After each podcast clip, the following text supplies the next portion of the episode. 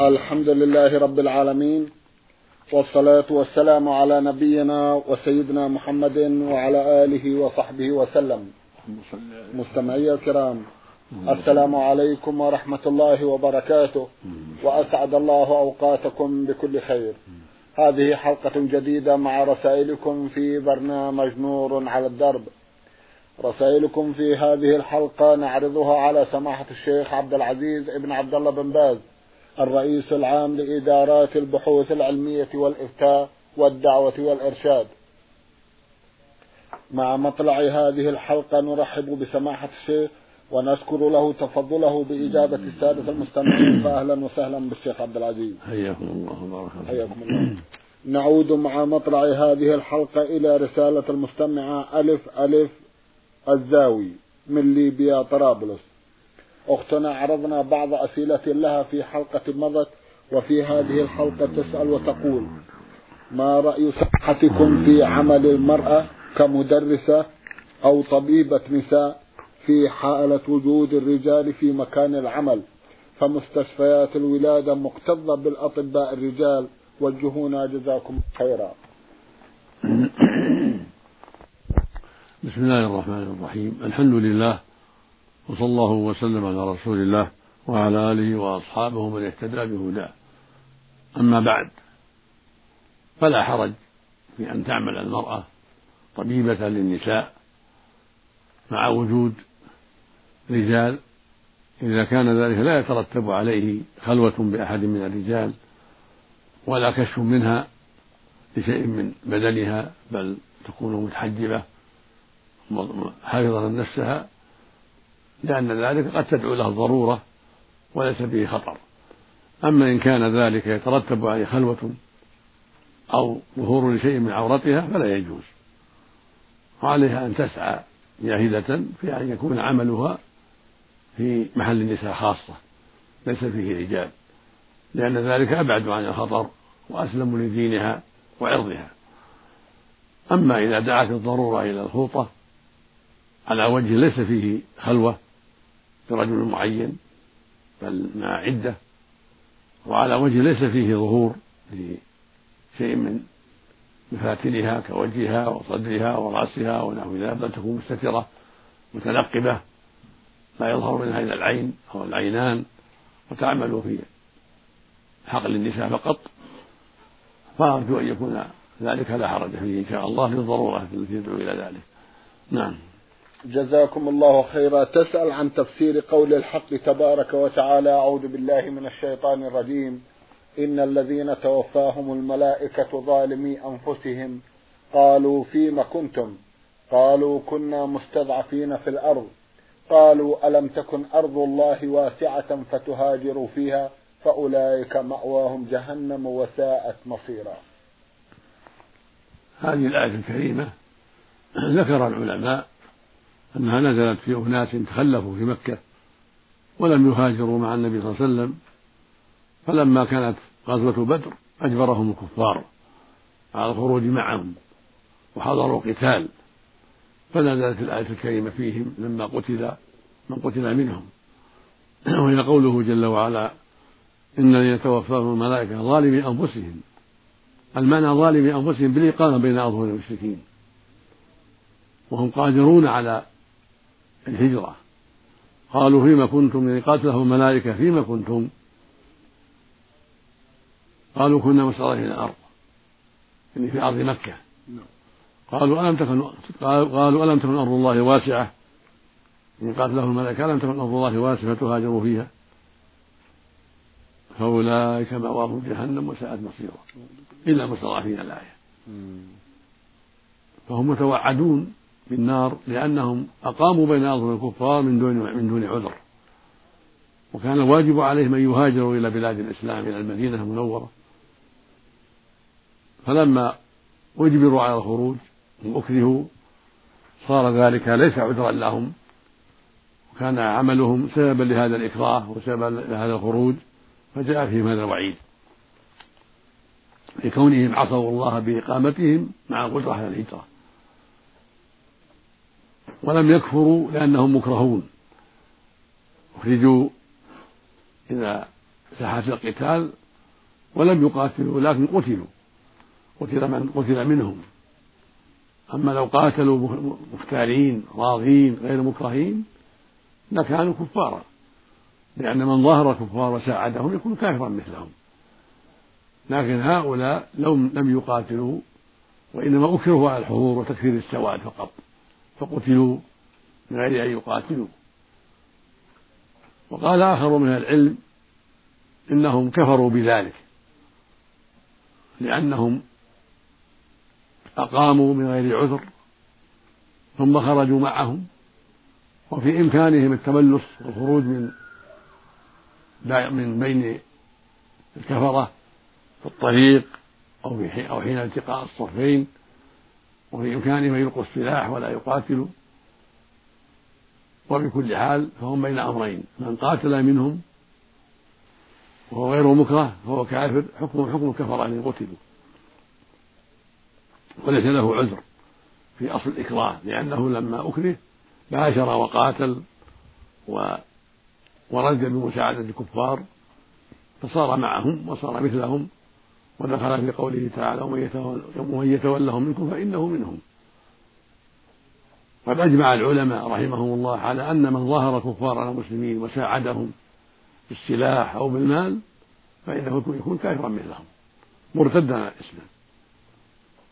أما من أكره ولم يقاتل ولم يرضى بقتال أهل الإسلام ولم يوافق على ذلك ولكن أجبر وأكره بالقوة والرباط والإكراه حتى وصل إلى ساحة القتال ولم يقاتل فهذا يكون عاصم بأصل إقامته.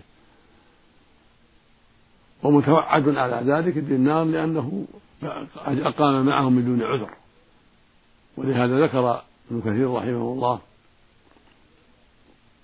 وجماعة آخر من العلم أن الإقامة بين أظهر الكفار وهو عاجز عن إظهار دينه. محرمة بالإجماع. ليس المسلم أن يقيم بين الكفار وهو يقدر على الهجرة. وهو لا يستطيع إظهار دينه بل هو مغلوب على أمره. لأن يجب عليه أن يهاجر بإجماع المسلمين. بهذه الآية الكريمة. لأن الله وصفهم بأنهم ظلموا أنفسهم بهذه الإقامة وتوعدهم بالنار. فدل ذلك على أنهم قد عصوا الله في هذه الإقامة. والهجرة لم تنقطع. ما دام هناك دينان فالهجرة باقية وإنما الذي انقطع الهجرة من مكة لما فتحت قال أن فيها لا هجرة بعد الفتح يعني من مكة. لأن صارت بلد إسلام بعدما فتح الله على النبي صلى الله عليه وسلم صارت بلد إسلام فقال فيها النبي صلى الله عليه وسلم لا هجرة بعد الفتح. يعني من مكة بعد فتحها. أما الهجرة في في أصلها فهي باقية. ولهذا في الحديث آخر لا تنقطع الهجرة حتى تنقطع التوبة. فكل بلد ظهر فيها كفار ولم يستطع المسلم فيها إظهار دينه ولا إقامة دينه ولا يستطيع الخروج فيلزمه أن يهاجر. فإن أقام كان عاصم بالإجماع. أما المستضعف من الرجال والنساء والولدان فقد عذرهم الله. وهم الذين لا يستطيعون حيلة لعدم النفقة أو لأنهم مقيدون مسجونون أو لا يهتدون سبيلا لأنهم جهال بالطريق لا يعرفون الطريق. لو خرجوا هلكوا لا يعرفون السبيل فهم معذورون حتى يسهل الله لهم فرجا ومخرجا من بين أظهر المشركين. والله المستعان. نعم.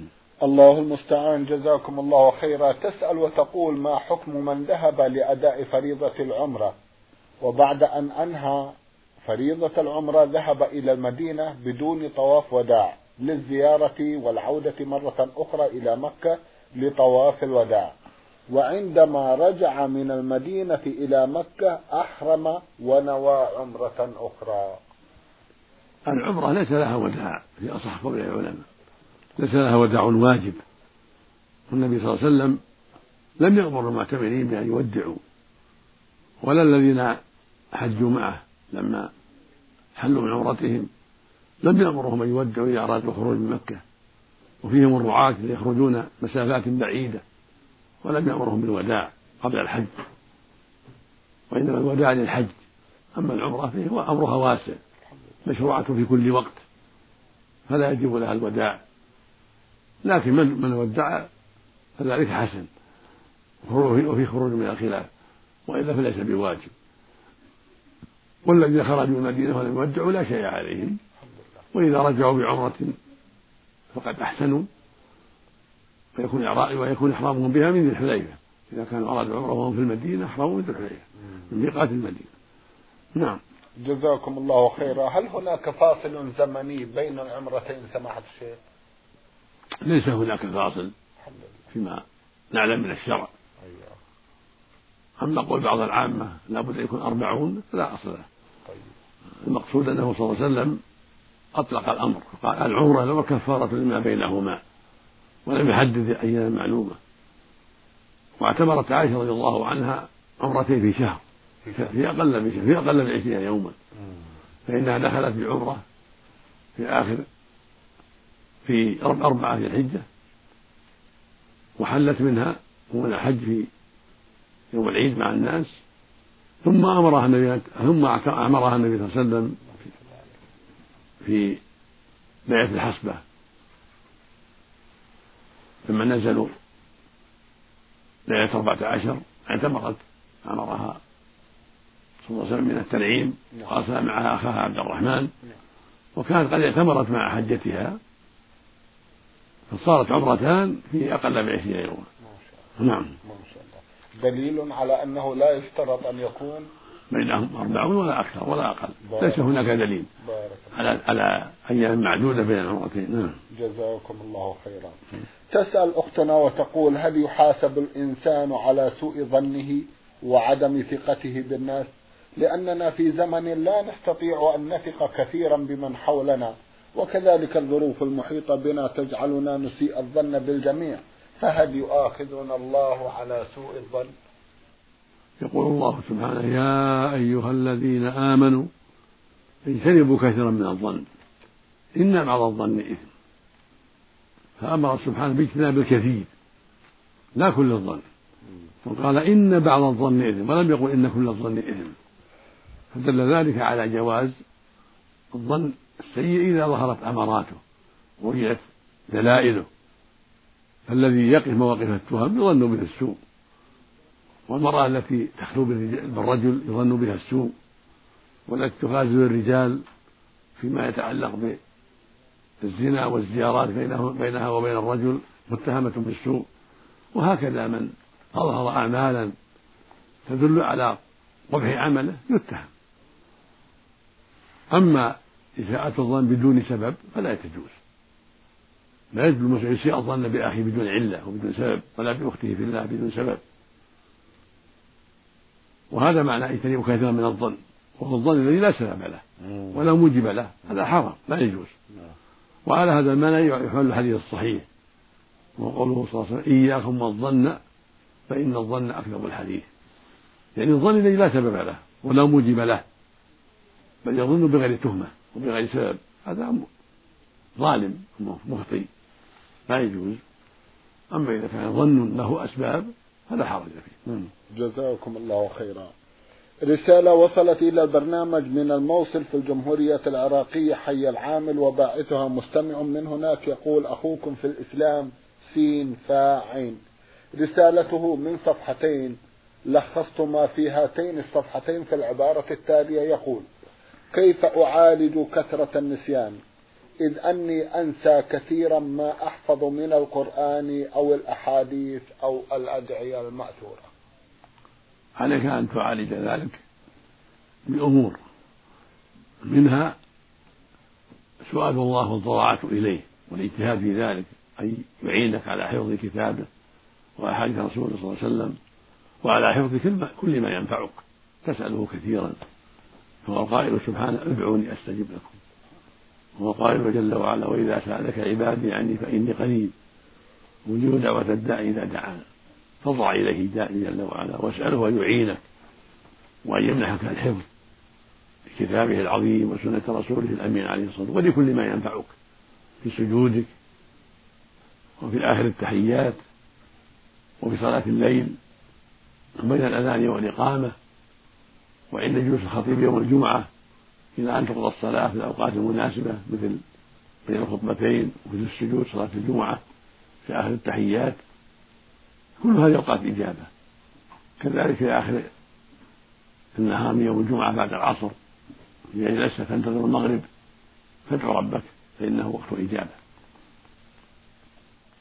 الثاني الإكثار من الدراسة والعناية تدرس ما تحفظ من كتاب الله. تعتني به في أوقات معينة ترتبها وتدرس ما حفظت لأن الدراسة من أسباب الحفظ. هكذا الأحاديث تدرسها تعتني بها. إذا أبطأت عنها قد تذهب عليه.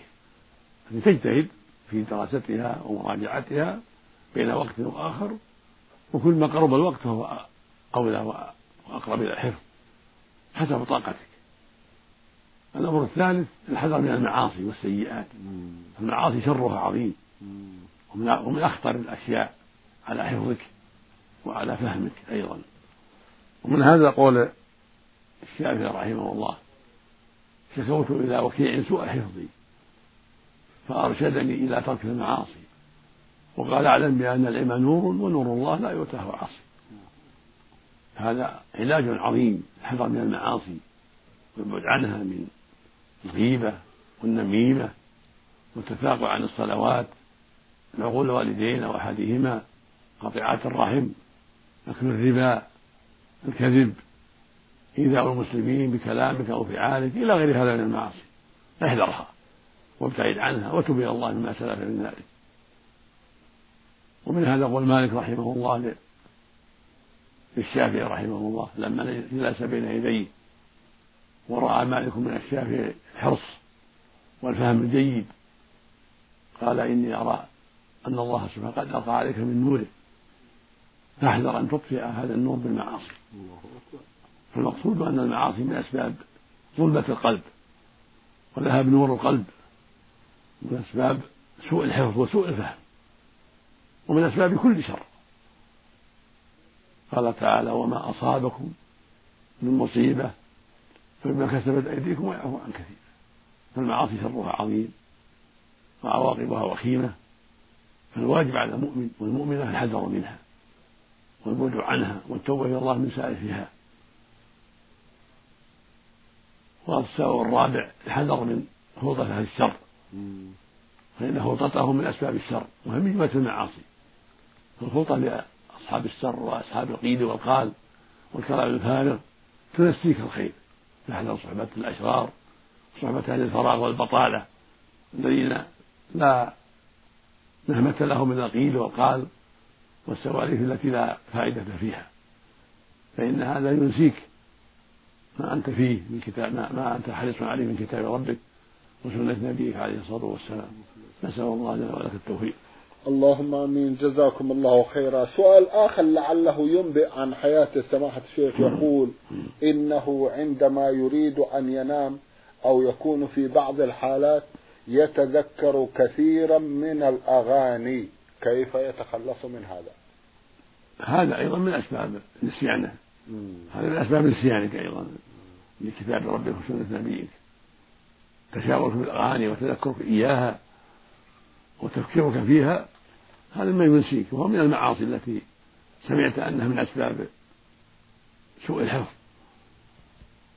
فاحذرها وأعرض عنها ولا تلتفت إليها. قد عوضك الله عنها خيرا عظيما كتاب ربك وسنة نبيك عليه الصلاة والسلام. فالزم بكتاب ربك واحذر الأغاني والمجون. أما الأشعار الطيبة التي فيها الحكمة من أشعار أهل الخير والعلم الصحابة وغيرهم. والأشياء التي تفيدك في دينك وفي لغة القرآن والسنة. هذه لا بأس بها. إن من الشر حكمة يقول النبي صلى الله عليه وسلم. نعم. جزاكم الله خيرا. رسالة وصلت إلى البرنامج من العراق أيضا باعثتها مستمعة من هناك تقول سين عين ألف. عندي مبلغ سبعة آلاف دينار. لم أخرج زكاتها حتى الآن. حيث أنني أعزب وأختي عزباء ولا أملك دارا للسكن ولا أثاث حيث أسكن حاليا في بيت من الطين ورثته أنا وأشقائي ووالدتي عن والدي. فهل علي أن أخرج الزكاة أم لا؟ أرجو الإفادة. مأجورين جزاكم الله خيرا. نعم. عليك الزكاة لأن المؤمن يزكي ماله الذي عنده إذا دار عليه الحول ولو أنه أعده لشراء بيت أو لتزوج أو لقضاء دين أو لغير هذا من الأمور التي تهمه. إذا حال عليه الحول يزكيه. نعم. جزاكم الله خيرا. رسالة وصلت إلى البرنامج من إحدى الأخوات المستمعات. تقول أختكم في الله سعاد أحمد. الأخت سعاد بعثت بما يقرب من أحد عشر سؤالا. في أحد أسئلتها تقول فيه هل صحيح أنه لا تجوز الصلاة إلا بعد نصف ساعة من الأذان؟ ليس بصحيح. متى دخل الوقت جازت الصلاة ولو بعد دقائق قليلة. متى علم دخول الوقت زالت الشمس الظهر.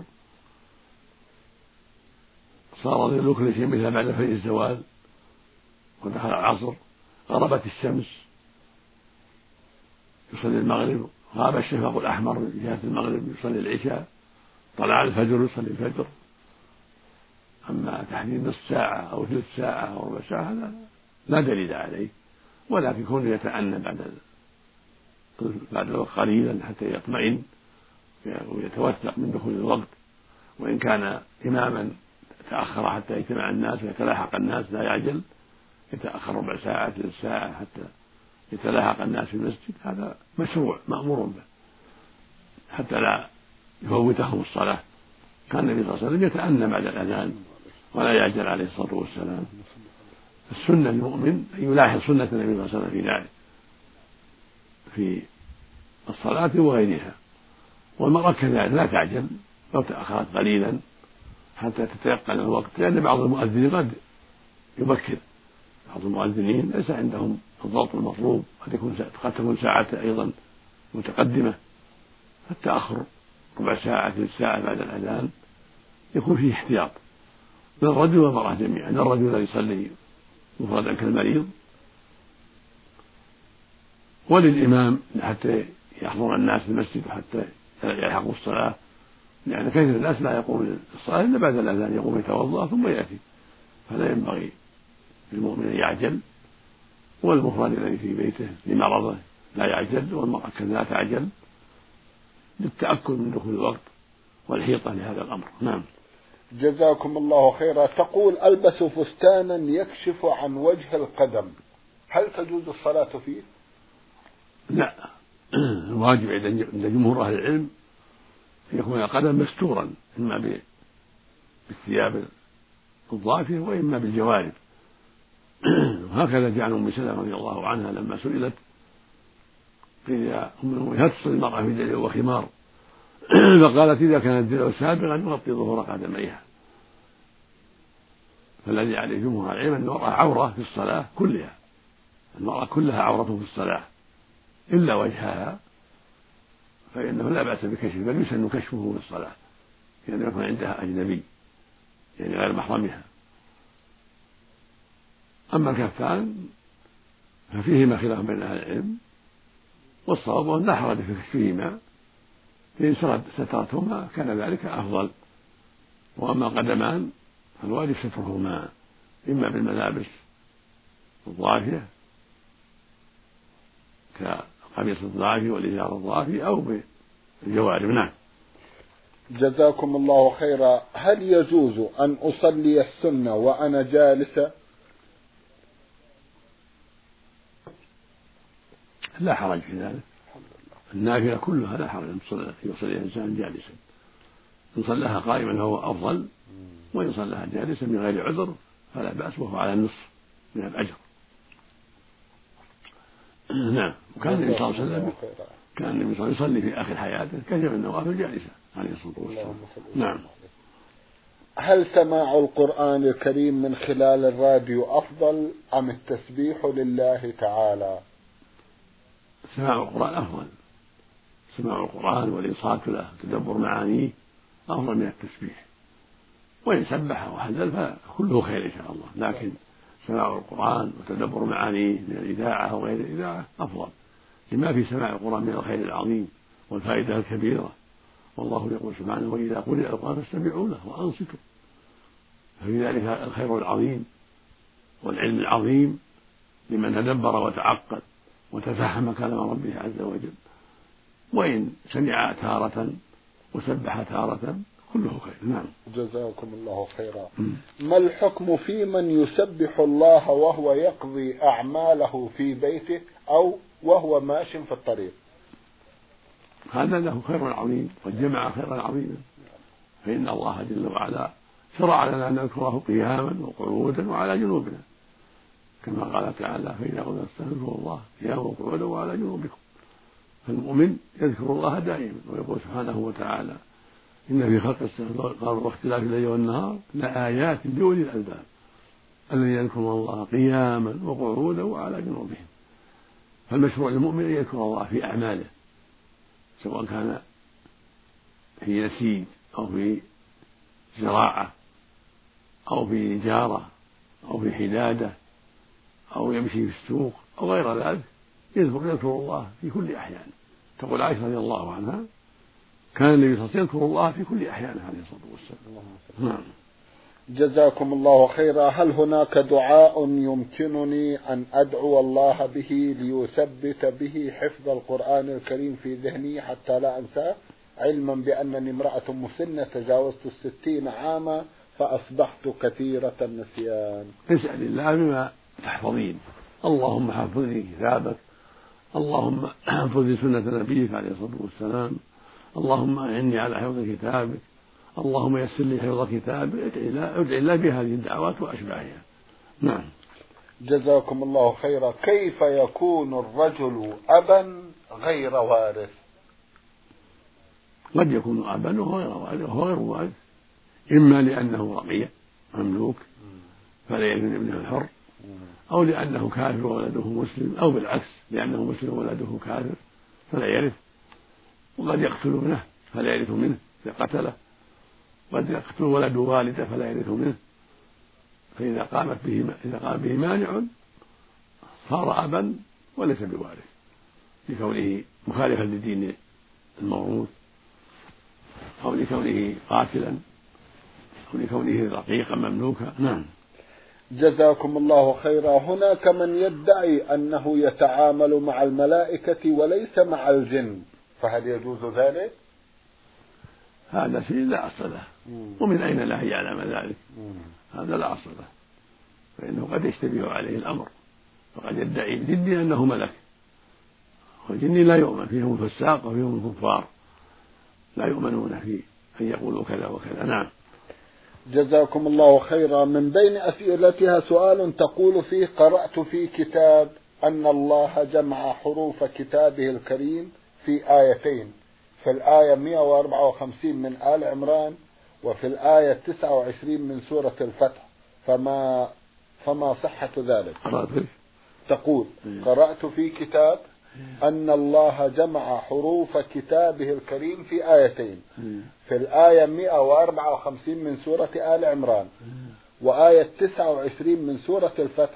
فما صحة ذلك؟ هذا يحتاج إلى تأمل الآيتين أو يحتاج إلى تأمل. فإن جمعت الحروف وهي 28 حرفا من ألف إلى آخر آية صح الكلام وإن لم تجمع هذه الحروف لم يصح الكلام آه، إذا هذا يعتبر أيضا إعجازا من إعجاز القرآن سماحة لا ليس بإعجاز لا ما يسمى إعجاز لأنه قد يقع الكلام قد يجتمع في الكلمات. هذه الحروف قد تجتمع في آيات يعني ممكن نعم. أو في كلام لشخص في في حديث الله أو خطبة الله أو بيت الله أو بيت من أبيات الشعر أو غير هذا قد يجتمع. حروف كثيرة نعم. جزاكم الله خيرا. سماحة الشيخ في الختام أتوجه لكم بالشكر الجزيل بعد شكر الله سبحانه وتعالى على تفضلكم بإجابة السادة المستمعين وآمل أن يتجدد اللقاء وأنتم على خير. نرجو ذلك مستمعي الكرام كان لقاؤنا في هذه الحلقة مع سماحة الشيخ عبد العزيز ابن عبد الله بن باز الرئيس العام لإدارات البحوث العلمية والإفتاء والدعوة والإرشاد. شكرا لمتابعتكم وإلى الملتقى وسلام الله عليكم ورحمته وبركاته.